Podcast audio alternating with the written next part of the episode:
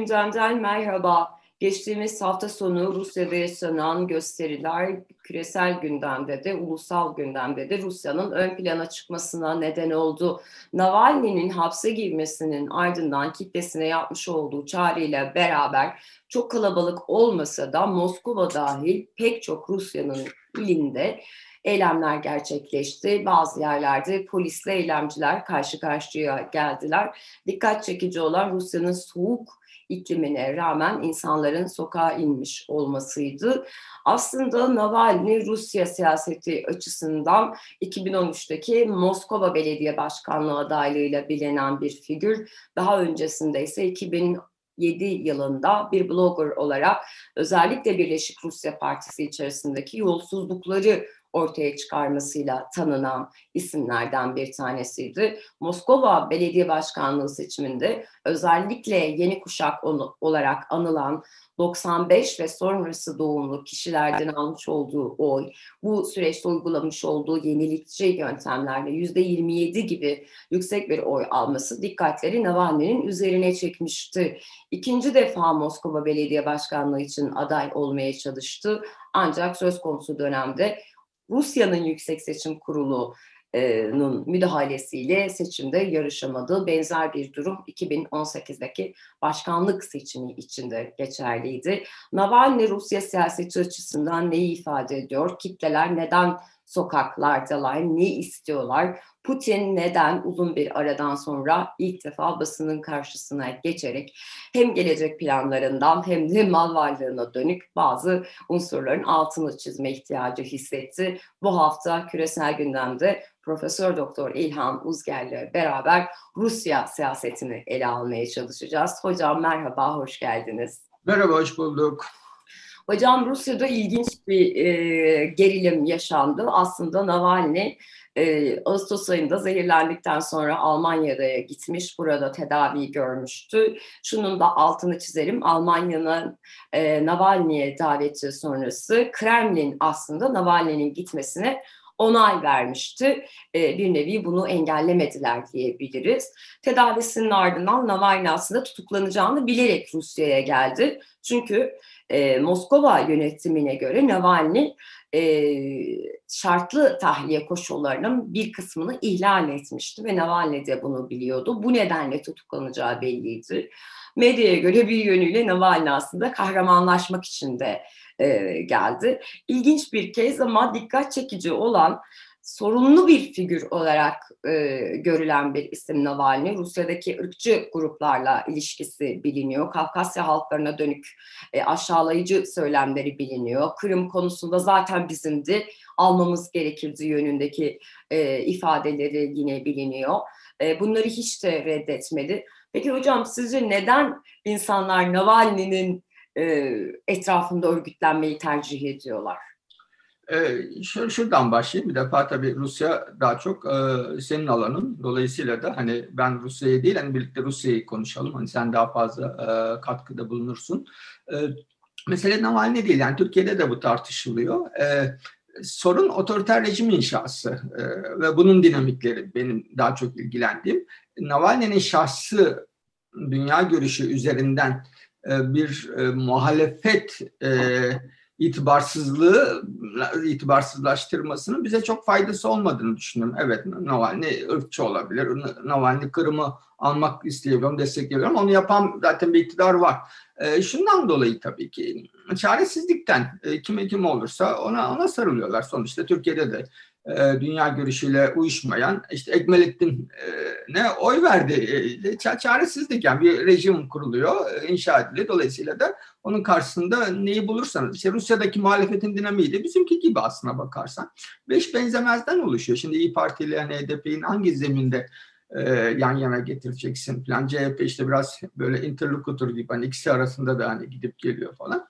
Dolayısıyla da e, her dönemde bir e, figür, toplumsal figür yani içinden sıyrılır ve şey, liderlik e, seviyesine bir şekilde yükselir. Bunun arkasında işte yani Batı'nın parmağını arayanlar da var. İsrail dinamiklere de bakılabilir. Hatta böyle Putin'in Navalny'yi tercih ettiğini söyleyen şeyler de gördüm ben falan. Dolayısıyla da hani bu, bu, bu anlaşılır bir şey. Yani şu otoriter bir rejime karşı çıkan daha hani e, temiz bir şahsiyet olsa tabii ki daha iyi olur. Ee, ama beni çok yani Navalny'nin kendisi çok ilgilendirmiyor. O rejimin hani nasıl kurulduğu, niye o 20 yıl boyunca e, hala iktidarda kalabildiği, e, bunu bu gücü nereden aldığı, mesela neden Navalny'ye mail ediyorlar e, sorusu kadar neden Rus halkın önemli bir kısmı Putin'e mail ediyor. daha daha büyük bir kısmı Putin'e mail ediyor. Yani Putin'i böyle bir kurtarıcı olarak görüyor. Hani bu, bu buralar bence hani daha önemli diye düşünüyorum.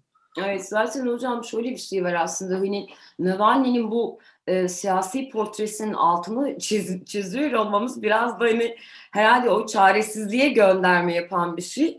E, daha önce de altını çizmiştim. Çarşamba günü gazete duvarda yayınlanan yazında da altını evet. çizmeye çalıştım.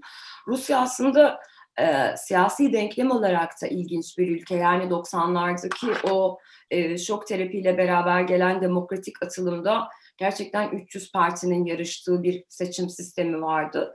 Duma Rusya siyaseti açısından önemli bir yer. Çünkü e, anayasa yapılırken de aslında başkana veril başkana verilen o geniş yetkiler içerisinde Duma dengeleyici konumdaki e, yerlerden bir tanesiydi.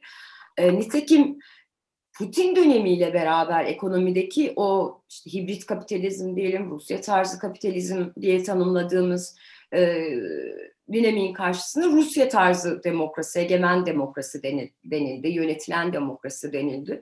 Bir model çıkarttılar ve bu konuda e, Duma'yı da federe bölgeleri de hedef alan ve e, bir nevi iktidarı merkezde konsolide eden adımlar atıldı. Sürekli siyasi partiler kanunu ve seçim kanunu değiştirildi. Nitekim Birleşik Rusya Partisi o sırada yükselmeye başladı.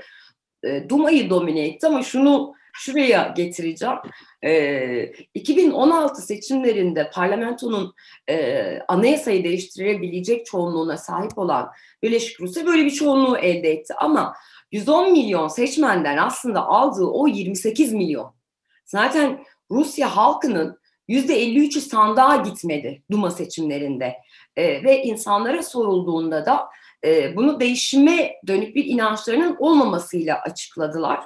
E, dolayısıyla bir de hani Birleşik Rusya Partisi gibi sürekli e, adını sık sık duyduğumuz işte komünistler, Yablaka gibi bazı e, muhalif partilerin artık parlamentoda kıdemli muhalif haline e, gelmeleri durumu var. Sanıyorum bu da bir sıkışıklığa neden oluyormuş gibi geliyor. Çünkü dediğim gibi 60 milyon seçmen, sessiz kitle zaten seçimlerle arasına mesafe koydu e, ve sandığa gitmemişti. Şimdi yeniden Duma seçimi var bu yıl ve çok kritik geçecek. E, bana böyle biraz buralara bakınca Türkiye'yi de çağrıştıran bazı durumlar var evet, geliyor. Te, tek şeyi Türkiye'de siyaset kutuplaştığı için e, seçimlere katılma oranları yüksek. Sözünü ettiğin e, sandığa gitmeme e, olgusu aslında bütün Avrupa coğrafyasında da yaygınlaştı. Mesela e, şeyde de Bulgaristan'da da düşük. Tabii Fransa'da da, Amerika'da da çok düşüktü. Ama kutuplaşma evet. siyaseti insanları şeye çekiyor. Siyasete daha fazla çekiyor. Çünkü taraf olmaya başlıyorsunuz. Hani bir tür siyasi holiganizme doğru gidiyor. Yani böyle evet. bir lidere, bir partiye ya da bir bazen daha az olsa da bir fikre hani aşırı aşırı değil de bir sarılma olduğu anda o değişim hissini de getiriyor ve yenme hani sahada yenme e, duygusuyla birlikte insanlar daha fazla e, gitmeye başlıyorlar. Şimdi tabii hani sen daha iyi biliyorsun.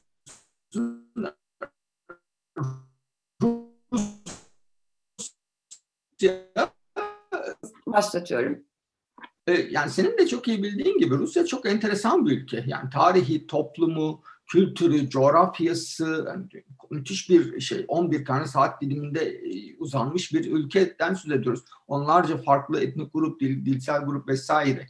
Fakat e, bu kadar enteresan bir ülkede aslına bakarsan e, rejimin niteliği, otoriterliği çok sıradan. Yani bildik ki otoriter bir rejim kuruyor. İşte tek adama bağlı.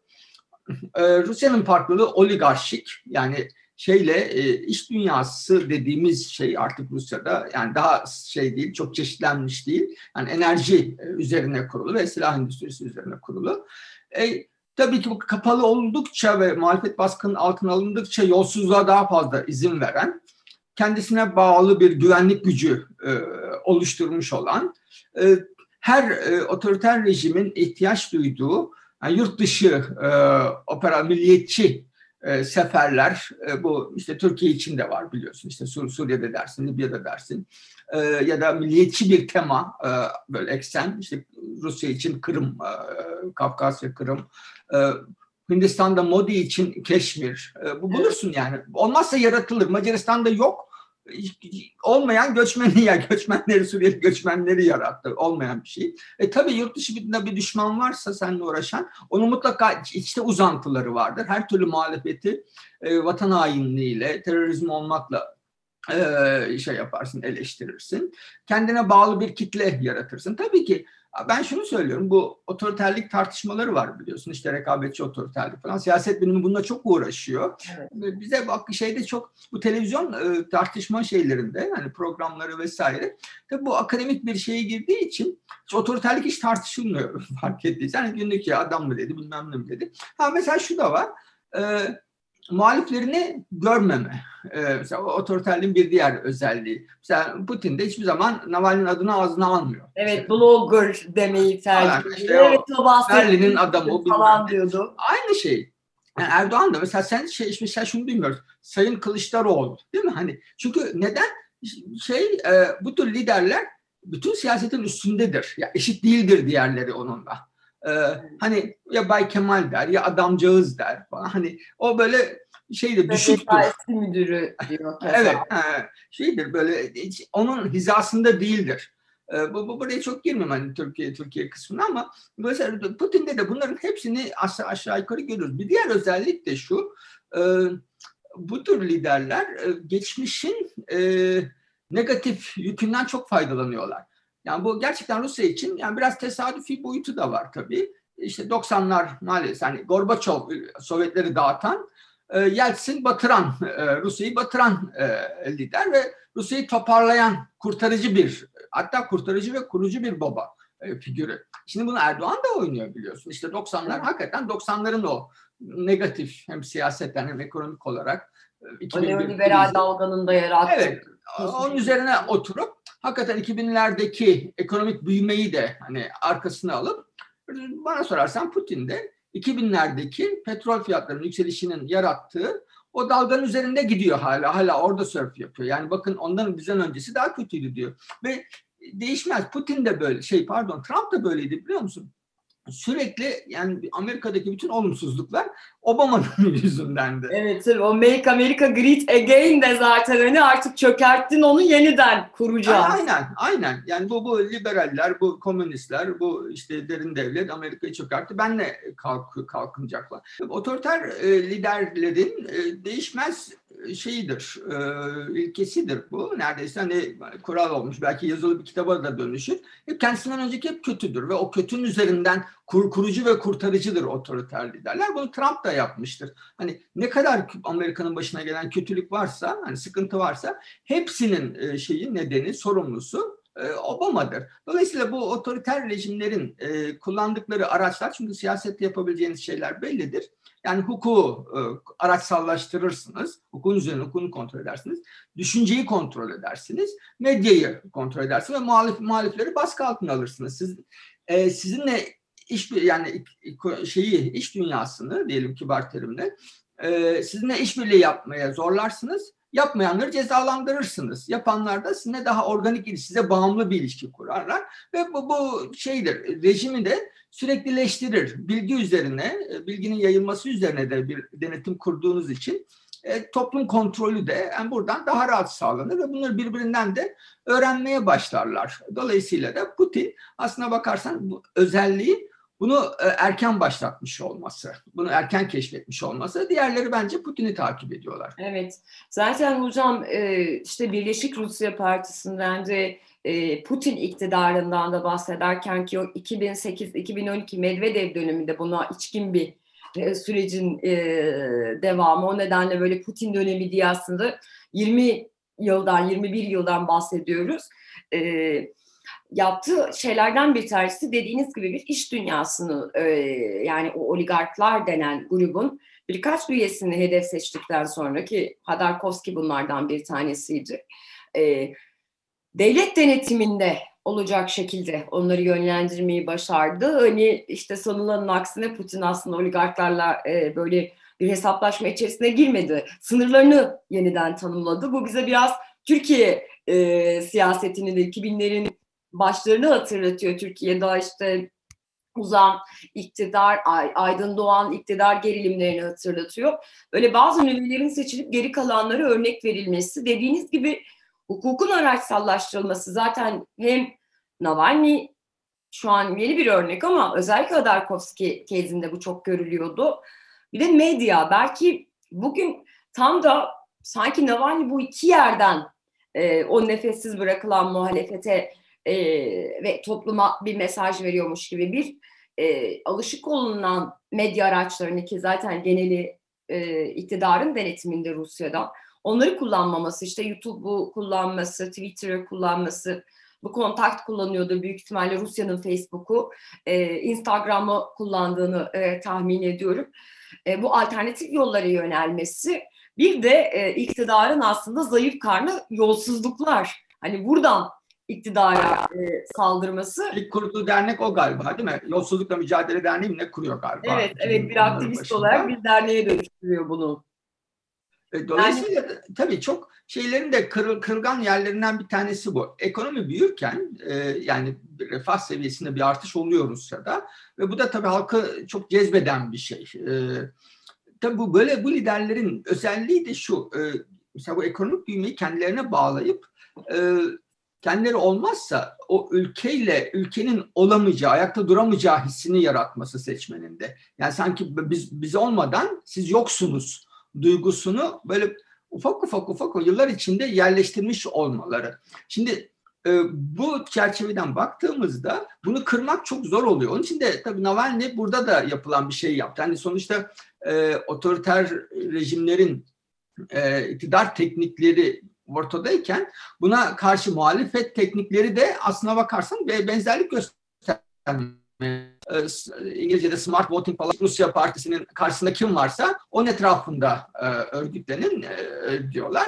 ve bu bu bu bu, tek, bu işe yaradı aslında bakar. Türkiye'nin önemli farkı demokratik yani bu çoğulculuk geleneğinin daha uzun süreli olması, sermayenin e, daha önceden kurulmuş olması. Yani kendi başına bir TÜSİAD'ının daha önceden olması ve bu TÜSİAD'ın daha çok batı bağlantılı olması, yüzünün batıya dönük olması Türkiye'yi ayırt eden e, özelliği. O yüzden de e, şey değil, eğer Erdoğan e, TÜSİAD üzerinde tam bir hakimiyetini kurabilseydi e, biz zaten hani başka bir e, Türkiye'de yani daha daha, Putinci bir Türkiye'de e, yaşıyor olabilirdik büyük olasılıkla. Evet hocam bir de e, dostumuz Putin, dostum Putin e, bu hafta içerisinde önemli bir görüşmeyi gerçekleştirdi.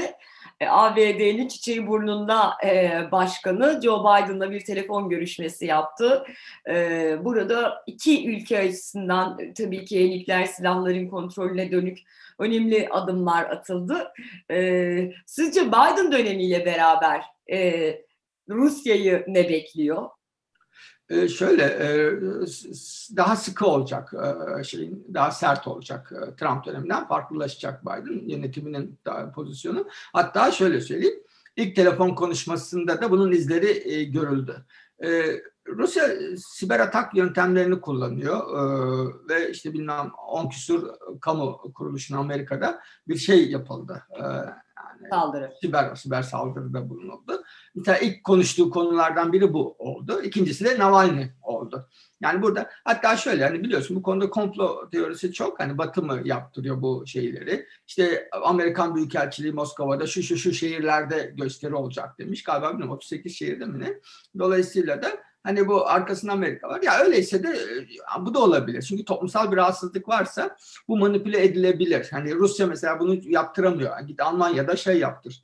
Hani gösteri yaptır mesela böyle 38 şehirde falan. Dolayısıyla da hani bizim hani dikkat etmemiz gereken husus e, bu, bu, bu kısmı daha çok. Ve bundan sonra Amerika'nın e, Rusya üzerindeki baskısının bir miktar daha hani artacağını e, söyleyebilirim. Rusya buna nasıl baş eder onu bilmiyorum ama şey olarak tabii 2014'ten bu yana ekonomik büyümede ciddi sıkıntılar var. Şimdi tabii üstüne Covid de geldi. E, şeyi düşüyor. E, Rusya Partisi'nin e, destek e, azalıyor. Muhalefet daha evet. diri ve e, şeyden canlı duruyor. E, yani şu e, şeyi de ihmal etmeyelim. Yani karşılaştırdık Türkiye ile ama yani biz Putin Rusyası ayarında değiliz henüz tam olarak. Mesela hani orada muhalefet e, zehirleniyor. E, efendim şey mi e, yani Putin yaptırır mı yaptırma bilemem ben. Yani mesela İsveç'te bir muhalefet hastane lideri hastaneye kaldırıldığında şey demiyoruz hani başbakanı zehirlemiştir demiyoruz. Hani bir e, olan şüpheli durumu var. E, daha önce yaşandığı için. Hani bazı muhalefet liderleri hapiste. E, işte Boris Nemtsov vardı. E, hayatını kaybetti falan. O yüzden de hani biz o seviyeye gelmedik. Biz de şu anda e, işte yumruk yiyebiliyor. Hani şey değil de zehir falan değil Kendi de. kendini dövdürebiliyor ya da. Ha, mesela ya da işte muhalefet e, gazeteciler yalnızca hapse atılıyor şimdi ki diyelim. Hani e, buranın hakkında. Umarız burada kalır diyelim hocam. Bir şey ha, yemeyelim. Bu, bu var. razı etmek gibi oldu. Evet. E, yani tabii şunu söyleyeyim. Bir e, ekonomik büyümede sıkıntı yaşandığında e, şey değişiyor. Hani hava değişiyor, e, toplumsal ruh hali değişiyor e, ve yolsuzluk. İkisinin bir araya gelmesi çok e, şey e, vurucu oluyor. Yani biz bunu gördük. E, eğer ekonomik büyüme olursa yolsuzluğu kitle çok e, umursamayabiliyor. Ama e, hem yolsuzluk artı e, hayat standartına düşüş olursa bu e, şey oy kaybına e, yol açabiliyor. Rusya'da da biraz e, bu yaşanıyor öyle görünüyor. Anladım. Çok teşekkür ederim hocam. Ee, güzel bir toparlama oldu. Rusya siyasetindeki dönüşüm neler olacağına dönük senaryolar ABD'de yeni başkanlık sürecinin başlaması aslında George Bush'tan Biden'a kadar pek çok lideri gören Putin'in geleceğini de tartışma konusu haline getirdi. Her ne kadar Navalny şu anda hapiste olsa da temsil etmiş olduğu durum Rusya'da muhalefetin suskunluğu, suskunluğa itilmesi, Rusya siyasetinin dışarıdan değilse de içeriden bazı sorunları işaret eden bir kaynama noktasına geldiğini gösteriyor. İktidar bu sorunların farkındaymış gibi görünüyor. Daha önce atmış olduğu adımlarla Bunları e, biliyoruz. Bazı nefes alanları açtıklarını biliyoruz. Aynı şeyler mi yapılacak yoksa yine bildiğimiz baskı yöntemlerine mi başvurulacak? Bunu zaman gösterecek. gösterecek. Ancak Biden yönetimiyle beraber ilişkilerin seyrinde Trump döneminden farklı gelişmelerin olabileceğini ve bunu Rusya iç siyasetine yansıyabileceğini tahmin etmek zor değil. Rusya'yı izlemeye devam edeceğiz. Bizi izlediğiniz, bizi dinlediğiniz için çok teşekkür ederiz. Hoşçakalın.